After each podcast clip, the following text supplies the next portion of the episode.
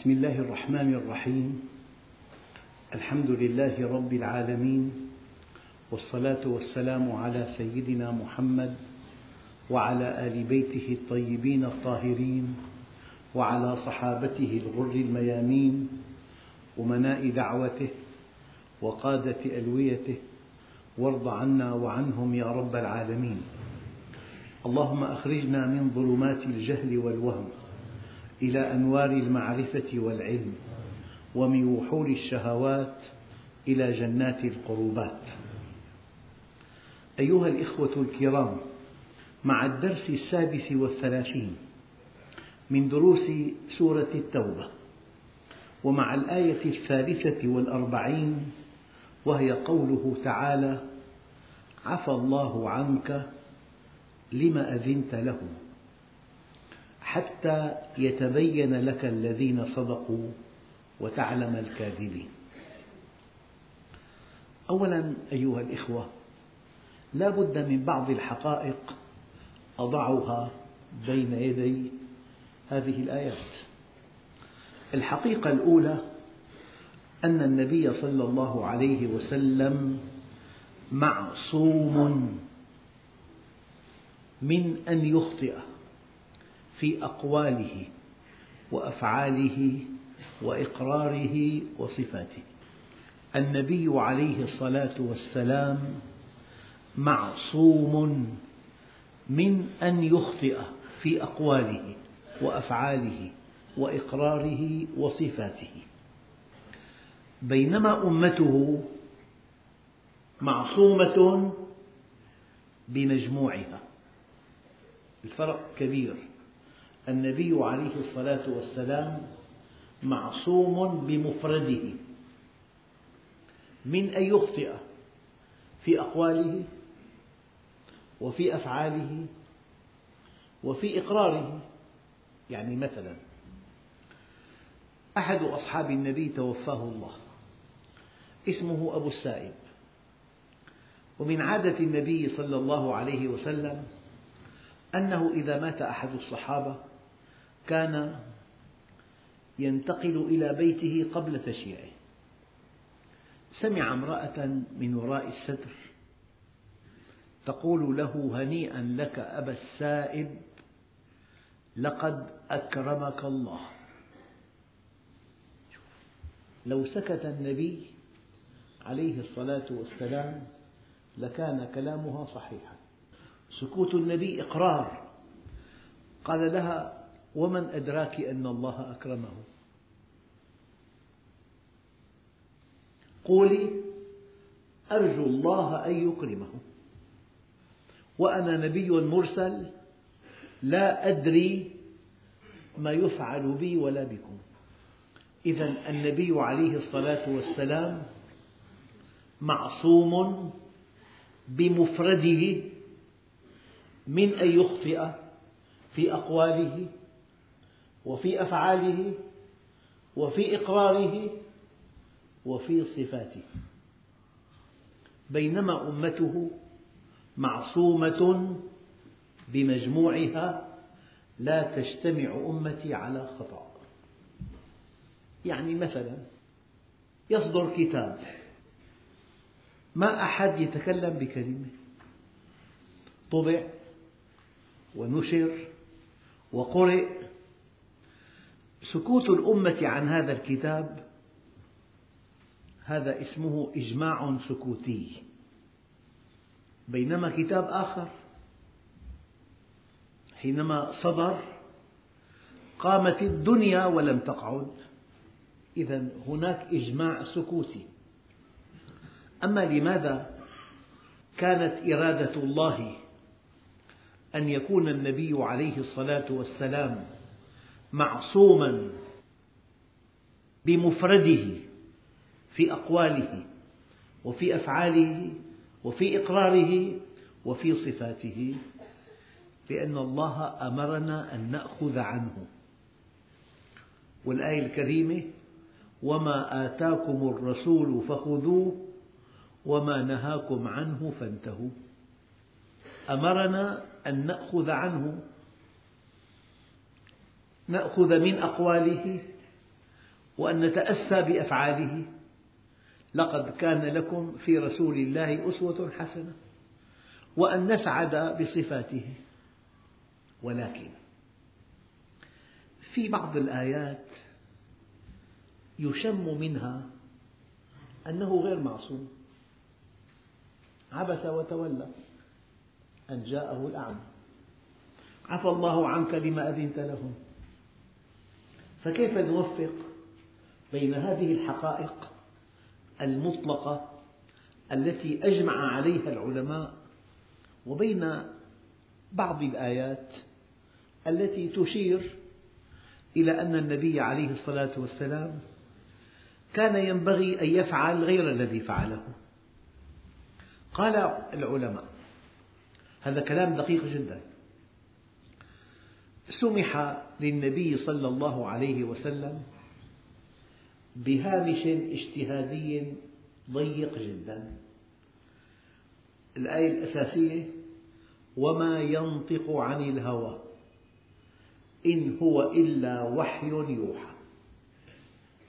هناك وحي متلو هو القرآن الكريم وهناك وحي وحي غير متلو هو كلام سيد الأنبياء والمرسلين. نحن أمام وحيين. أمام وحي متلو هو القرآن الكريم وأمام وحي غير متلو هو أقوال النبي عليه أتم الصلاة والتسليم. لكن للتصحيح وحي متلو هو القرآن الكريم الذي هو قطعي الثبوت. ووحي غير متلو هو ما صح من أقوال النبي. لأن أقوال النبي عليه الصلاة والسلام ليست في مجملها قطعية الثبوت. في أحاديث ضعيفة في أحاديث موضوعة. القرآن قطعي الثبوت أما السنة ظنية الثبوت. لذلك سخر الله لهذه الأمة علماء كبار جهابذ. عكفوا على سنة النبي عليه الصلاة والسلام ومحصوها ودرسوها حتى إنه في أمتنا الإسلامية علم ليس له وجود في أي أمة أخرى. اسمه علم الجرح والتعديل. علم الرجال الذين نقلوا عن سيد الأنام. إذا في بعض الآيات كهذه الآية عفى الله عنك لما أذنت لهم. رأي العلماء وهو رأي دقيق وصائب أنه ترك للنبي عليه الصلاة والسلام هامش اجتهادي. فإن اجتهد النبي وأصاب أقره الوحي على ذلك وصار كأنه وحي. وإن ترك ما ينبغي أن يقوله جاء الوحي وصحح له كهذه الآية وكآية عبس وتولى لماذا؟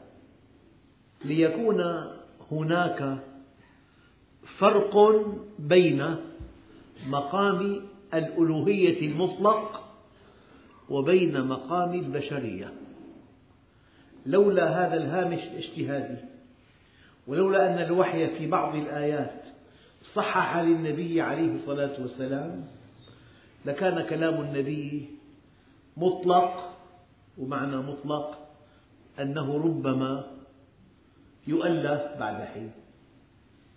لذلك أراد الله أن يكون هناك فرق بين مقام الألوهية المطلق وبين مقام البشرية. أخواننا الكرام يعني مثلا لو قاضي أصدر ألف حكم بحياته حكم واحد ما كان دقيق ما حقول ما كان عادل ما كان دقيق. هو عند أهل الأرض قاض عادل. واضح الكلام؟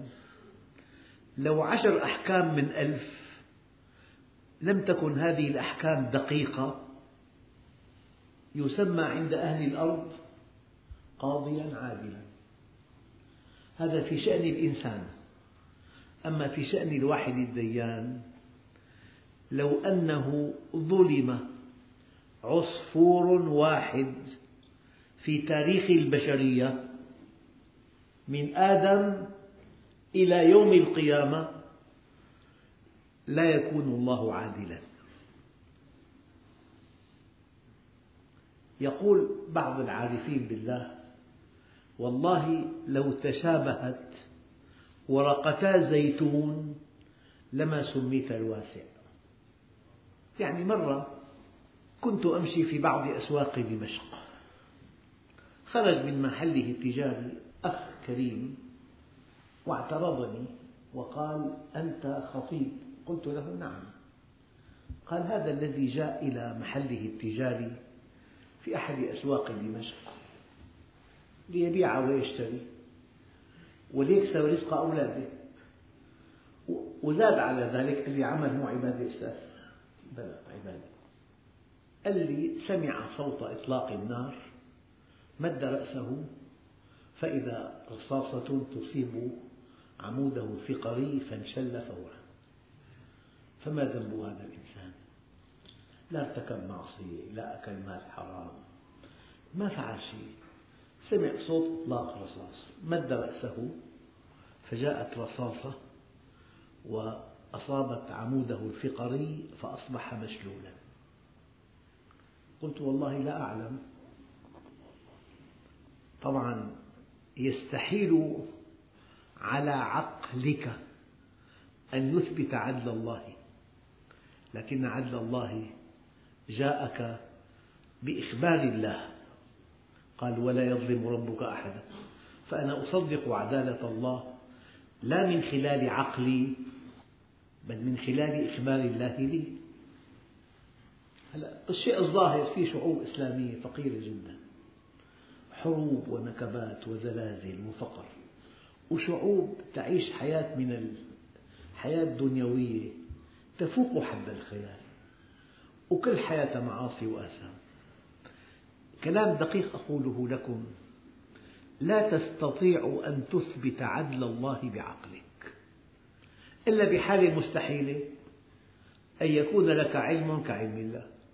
أي مستحيلة فأنا حينما قال لي هذه القصة قلت والله أنا أؤمن أن الله عادل أما هذه القصة ما بعرف تفاصيلها لكن لحكمة بالغة بالغة بالغة.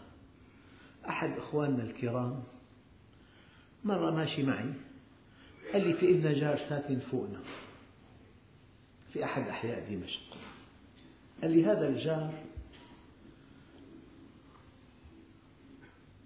في بيت لأولاد أخيه اليتامى وبقوا ثمان سنوات يطالبونه بالبيت أيتام والبيت في يد العم ومأجره والأجرة له. بعد أن يئسوا من أن يأخذوا حقهم من عمهم اشتكوا إلى أحد علماء دمشق كان شيخ القراء شيخ حسين خطاب. اشتكوا له وجمع هذا الشيخ الكبير هذا العم مع أولاد أخيه ورفض رفضا قاطعا أن يعطيهم البيت بوقاحة. فقال الشيخ لأولاد أخيه لو أنكم شكوتم عمكم إلى القضاء هذا لا يليق بكم. اشكوه إلى الله. الساعة التاسعة صباحا قال لي عنده محل بسوق مدحت باشا وسمع إطلاق رصاص مد رأسه ليرى ما الخبر فجاءت رصاصة واستقرت في عموده الفقري. القصة نفسها. أنا والله يقشعر بدني. قلت يا رب وقت أنا ما عرفت السبب. قلت أكثر الأخوة الكرام حافظ لك شي 200 قصة من آخر فصل ما لها معنى. وبنصحك لا ترويها. وأنت بحياتك يمكن تعرف عشر قصص فقط من أول فصل. هذه القصص من أول فصل تقشعر منها الأبدان هو نفسه. فبيقول لي أخ مقيم بحلب. قال لي رجل له قصة كهذه القصة تماما. في بيت لأولاد أخيه الأيتام وهو في قبضته. ومن عشر سنوات يرفض إعطاءهم البيت. فجأة بيتصل بالمحامي قال له أفرغ لهم البيت. المحامي استغرب قال له ما الذي حدث؟ أنت مصر ما تطوب البيت قال له سمعنا امبارح قصة بالقدس بتخوف. هي نفس القصة. أخواننا الكرام أنا أؤمن هذا إيمان لو ما معي دليل.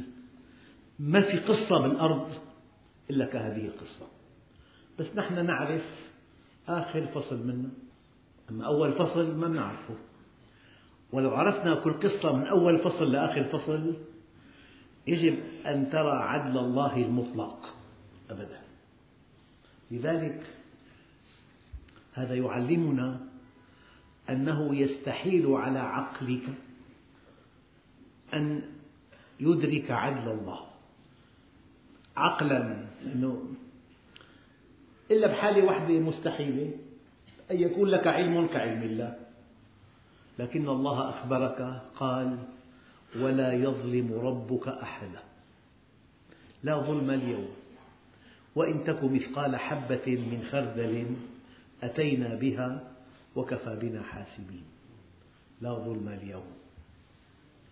آيات كثيرة وأحاديث أكثر تؤكد عدل الله المطلق. لكن نحن علمنا محدود.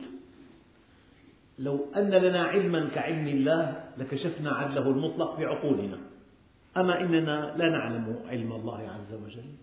أخبرنا ربنا فقال ولا يظلم ربك أحدا. إني حرمت الظلم على نفسي وجعلته محرما بينكم فلا تظالموا. إذا عفى الله عنك لما أذنت لهم. أراد الله أن يسمح لنبيه الكريم بهامش اجتهادي ضيق. فإذا اجتهد النبي وأصاب سكت الوحي وبهذا السكوت أقره على اجتهاده. أما إذا استخدم النبي اجتهاده ولم يكن التصرف كما يريد الله عز وجل يأتي الوحي ويصحح له. هذا التصحيح أظهر الفرق بين مقام الألوهية المطلق وبين مقام النبوة. النبي بشر. إنني بشر. أغضب كما يغضب البشر وأخاف كما يخاف البشر. أوذيت في الله وما أوذي أحد مثلي وخفت في الله وما خاف أحد مثلي وأتت علي ثلاثون ليلة لم يدخل جوفي إلا ما يواريه إبط بلا إذا عفى الله عنك لما أذنت له. المنافقون قبيل بعض المعارك استأذنوا النبي ألا يكونوا معه. وقدموا له أعذار كثيرة. والنبي قبل أعذارهم. عفى الله عنك لما أذنت لهم. لو أنك لم تأذن لهم تخلفوا عنك حتى يتبين لك الذين صدقوا وتعلم الكاذبين. أما استأذنك وقدم لك عذر فأنت قبلت هذا العذر وأذنت له. بقي عند المجموع مؤمن لكن استأذنك. عفى الله عنك لما أذنت لهم حتى يتبين لك الذين صدقوا وتعلم الكاذبين. لكن الله عز وجل يقول لا يستأذنك الذين يؤمنون بالله واليوم الآخر أن يجاهدوا بأموالهم وأنفسهم والله عليم بالمتقين. يعني لو فرضنا فرض أسرة فيها خمس أشخاص فيها شابان والبيت يحترق. فقال هذا الشاب الأول لأبيه عندي محاضرة بالجامعة تسمح لي؟ أني محاضرة. البيت يحترق. فهذا الاستئذان مرفوض. الاستئذان مرفوض أصلا. لا يستأذنك الذين يؤمنون بالله واليوم الآخر. أن يجاهدوا بأموالهم وأنفسهم والله عليم بالمتقين. واسمحوا لي أن أقول لكم والآن والله إن لم تبكي لما يصيب المسلمين في بقاع الأرض في بالإيمان ضعف. أناس يقتلون يموتون من الجوع يعذبون ينكل بهم في بلاد متعددة من بلاد المسلمين. وأنت ما لك علاقة مرتاح. يعني أحيانا أنا أرى بعض الإخوة الكرام والله الاحتفال لغى يعني في إخوة, إخوة لنا يموتون من الجوع يقتلون يذبحون في فلسطين في أفغانستان في في العراق. كل هذا أمامكم. يعني مليون قتيل بالعراق فيه. مليون معاق خمس ملايين مشرد. وأنت ما لك علاقة. مسلمون. بأفغانستان قصفوا قلعة. قتلوا بها خمسة آلاف. وإذا كان طائرة سقطت بفعل عمل معين دفعوا بعض الأقوياء 270 مليار دولار. 270 مليار بواقع دية كل راكب 500 مليون ليرة سورية إذا قتل من منهم واحد تقوم الدنيا ولا تقعد. جاءنا مرة مسؤول كبير أمريكي رئيس جمهورية سابق. فبرنامج زيارته زيارة دمشق وتل أبيب ورام الله في بند رابع. ما هو؟ زيارة أسرة الأسير الإسرائيلي. طيب نحن لنا عند اليهود 11800 أسير. ما خطر ببال هذا المسؤول الكبير الحضاري أن يزور أسرة واحدة بالمقابل؟ نحن ما لنا بشر. أسير واحد عند الفلسطينيين يأتي رئيس جمهورية من بلد بعيد برنامج زيارته ثلاث مدن دمشق تل أبيب رام الله. والبند الرابع زيارة أسرة الأسير الإسرائيلي. و11800 أسير. لذلك أيها الإخوة ها أنتم هؤلاء تحبونهم ولا يحبونكم؟ يعني أكبر خطأ وقع به المسلمون أنهم ظنوا أن أهل الغرب منصفون ليسوا منصفين إطلاقا. عفى الله عنك لما أذنت لهم حتى يتبين لك الذين صدقوا وتعلم الكاذبين. لذلك جاءت الآية التي تليها لا يستأذنك الذين يؤمنون بالله واليوم الآخر أن يجاهدوا بأموالهم وأنفسهم والله عليم بالمتقين. أذكر بزلزال وقع في القاهرة أن الأطباء فرزوا بعضهم ذهب إلى الإسكندرية وترك المرضى بالمئات. وبعضهم داوم بالمستشفى 24 ساعة. هذا الزلزال أيضا فرز الناس. والله عز وجل يمتحن عباده امتحانات دقيقة جدا وكل إنسان يظهر على حقيقته. إنسان داوم 24 ساعة حتى يلبي حاجة الناس المصابين وإنسان في المعمعة ترك ذهب وأراد أن ينجو بنفسه. لا يستأذنك الذين يؤمنون بالله واليوم الآخر أن يجاهدوا بأموالهم وأنفسهم والله عليم بالمتقين. يعني أنت أيام تشاهد مشهد مأساوي ببلد بلد إسلامي محتل. تبكي. البكاء حالة جيدة. في انتماء معناتها. بتساعد بجهدك أيام بمالك أيام بالدعاء. يعني في حركة في ألم في بكاء في مساعدة. بجهدك بعضلاتك بمالك أيام تدعو لهم أن ينتصروا أما ما لك علاقة إطلاقا؟ ما لك علاقة إطلاقا؟ مؤشر خطير جدا. أنك لا تنتمي لهذه الأمة. إنما يستأذنك الذين لا يؤمنون بالله واليوم الآخر. وارتابت قلوبهم فهم في ريبهم يترددون.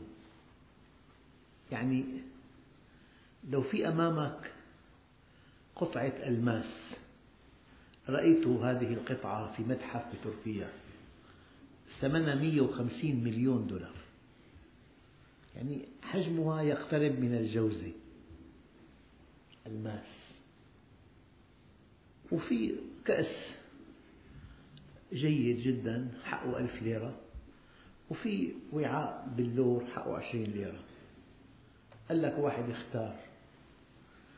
أنا بعرف فهمك وتفكيرك ومعلوماتك من اختيارك. لقيت هذا وعاء كبير أخذت كبير. حقه عشرين ليرة. هي الألماسي حقها 150 مليون دولار. فكل ما اخترت الشيء النفيس تكون أنت النفيس. بأيام إنسان بيغوص بالبحر بيطلع بأصداف ما له قيمة إطلاقا.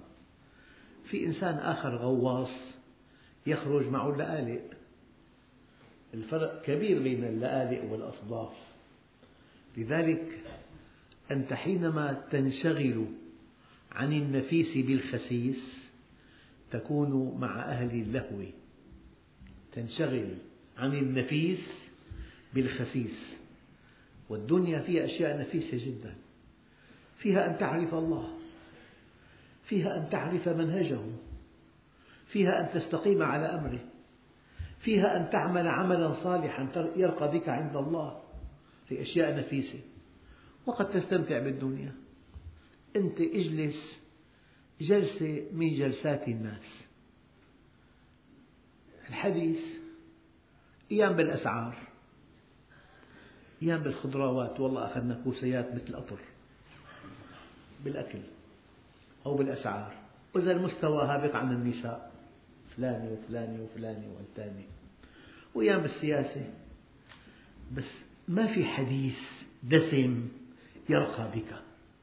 لذلك لا تصاحب من لا يرقى بك إلى الله حاله ويدلك على الله مقاله.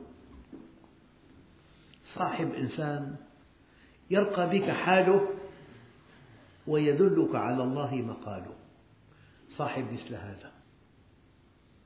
إنما يستأذنك الذين لا يؤمنون بالله واليوم الآخر وارتابت قلوبهم فهم في ريبهم يترددون.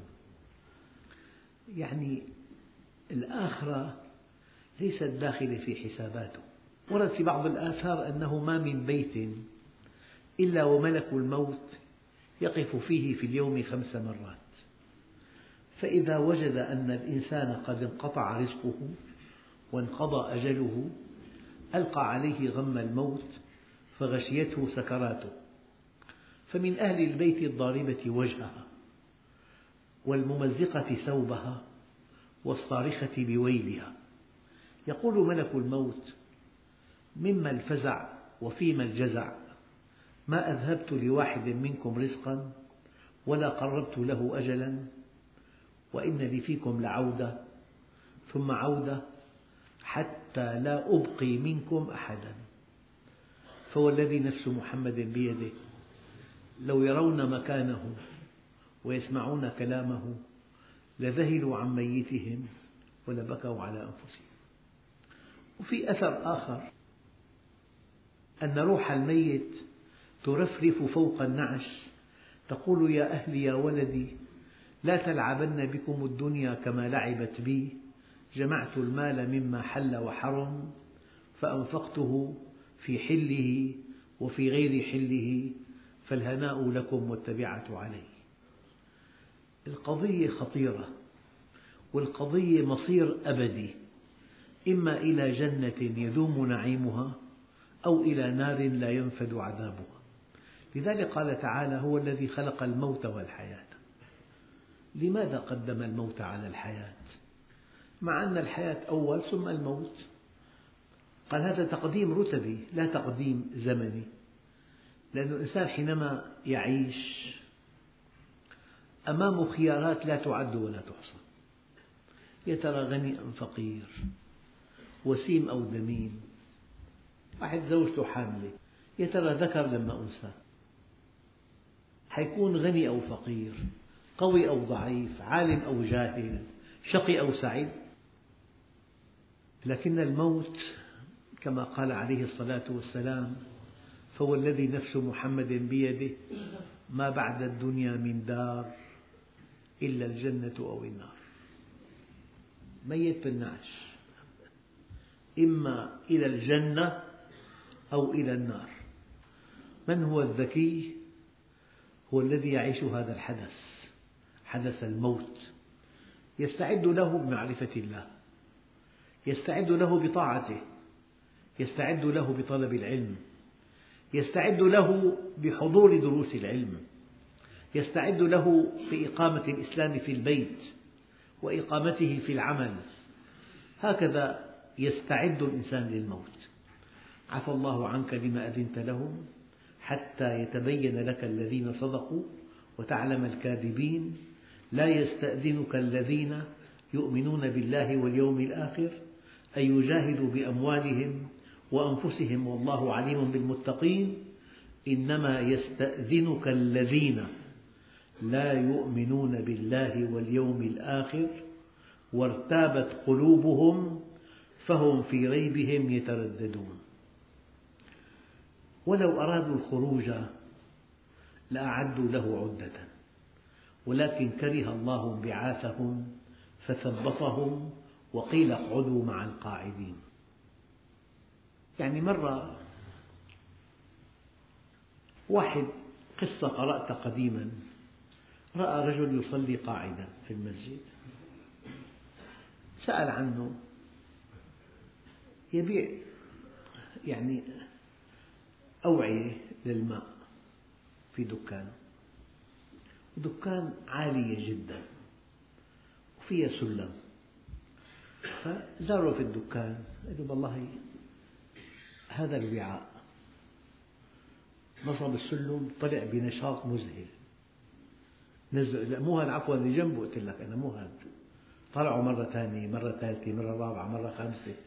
خلاه يشتغل شي نص ساعة طالع نازل. ما في البلا وعم يصلي على القاعد هون جامع صلى قاعدا أما في نشاطه التجاري بأعلى درجة من النشاط. فالإنسان ينكشف عند الله عز وجل. ولو أرادوا الخروج لأعدوا له عدة ولكن كره الله انبعاثهم. يعني البارحة فلان لم تكن في الدرس. والله قبل الدرس بربع ساعة جاءني صديق. فاستحيت منه؟ إيه، أكثر الإخوة الكرام إذا أخ جاءهم قبل الدرس يأتون به إلى الدرس وبينتفع وقد يبقى في الدرس طوال حياته. يعني هذا مو عذر أنا والله عندي موعد ما بقدر. اللي بده يحضر بيحضر. لكن لأتفه سبب بيقول لك ما تمكنت. ولو أرادوا الخروج لأعدوا له عدة. ولكن كره الله انبعاثهم فثبطهم. وقيل اقعدوا مع القاعدين. من هم القاعدون؟ النساء والأطفال. أساسا لو خرجوا فيكم ما زادوكم إلا خبالا فساد. ولأوضعوا خلالكم يعني النميمة والغيبة أسرعت فيما بينكم. يبغونكم الفتنة وفيكم سماعون لهم. والله عليم بالظالمين. يعني هذه الآيات التي بين أيدينا تصف حال بعض المنافقين. وأنا بقول لكم كلام دقيق. يعني بيقول أحد التابعين اجتمعت بأربعين صحابيا من أصحاب رسول الله. ما منهم واحد إلا ويظن نفسه منافقا من شدة خوفه من الله. يعني يقول لك أنه في حالات جاءت في وصف المنافقين تجدها عند بعض المؤمنين. أنا أقول مؤمن ورب الكعبة. في عنده أمراض خفيفة. فحينما يصف الله لنا المنافقين الهدف أن نراقب أنفسنا. أين أنت من هذه الآية؟ هل الأمر كذلك؟ يعني أمر الله عظيم عندك لما ممكن لأسباب بسيطة جدا تعتذر منه. هذا الذي أتمنى أن يكون واضحا. لو خرجوا فيكم ما زادوكم إلا خبالا. ولا خبالا يعني فسادا وشرا. ولأوضعوا خلالكم. يبغونكم الفتنة وفيكم سماعون لهم. والله عليم بالظالمين. يعني أحد الناس إذا وجد صديقه ينفق ماله في سبيل الله بيقول له خبي قرشك الأبيض ليومك الأسود. يعني قد يتهم بعقله إذا إنسان أقبل على الله. وأنا أقول والله وأقولها أمامكم وأخاطب الشباب بالذات. والله ما من شاب من دون استثناء يبتغي وجه الله ويستقيم على أمر الله. أنا أقول لست متفائلا بل موقنا أن له عند الله مستقبل كبير.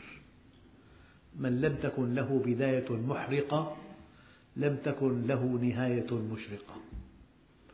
تريد نهاية مشرقة؟ ينبغي أن تكون لك بداية محرقة. وأنت شاب صدق ولا أبالغ.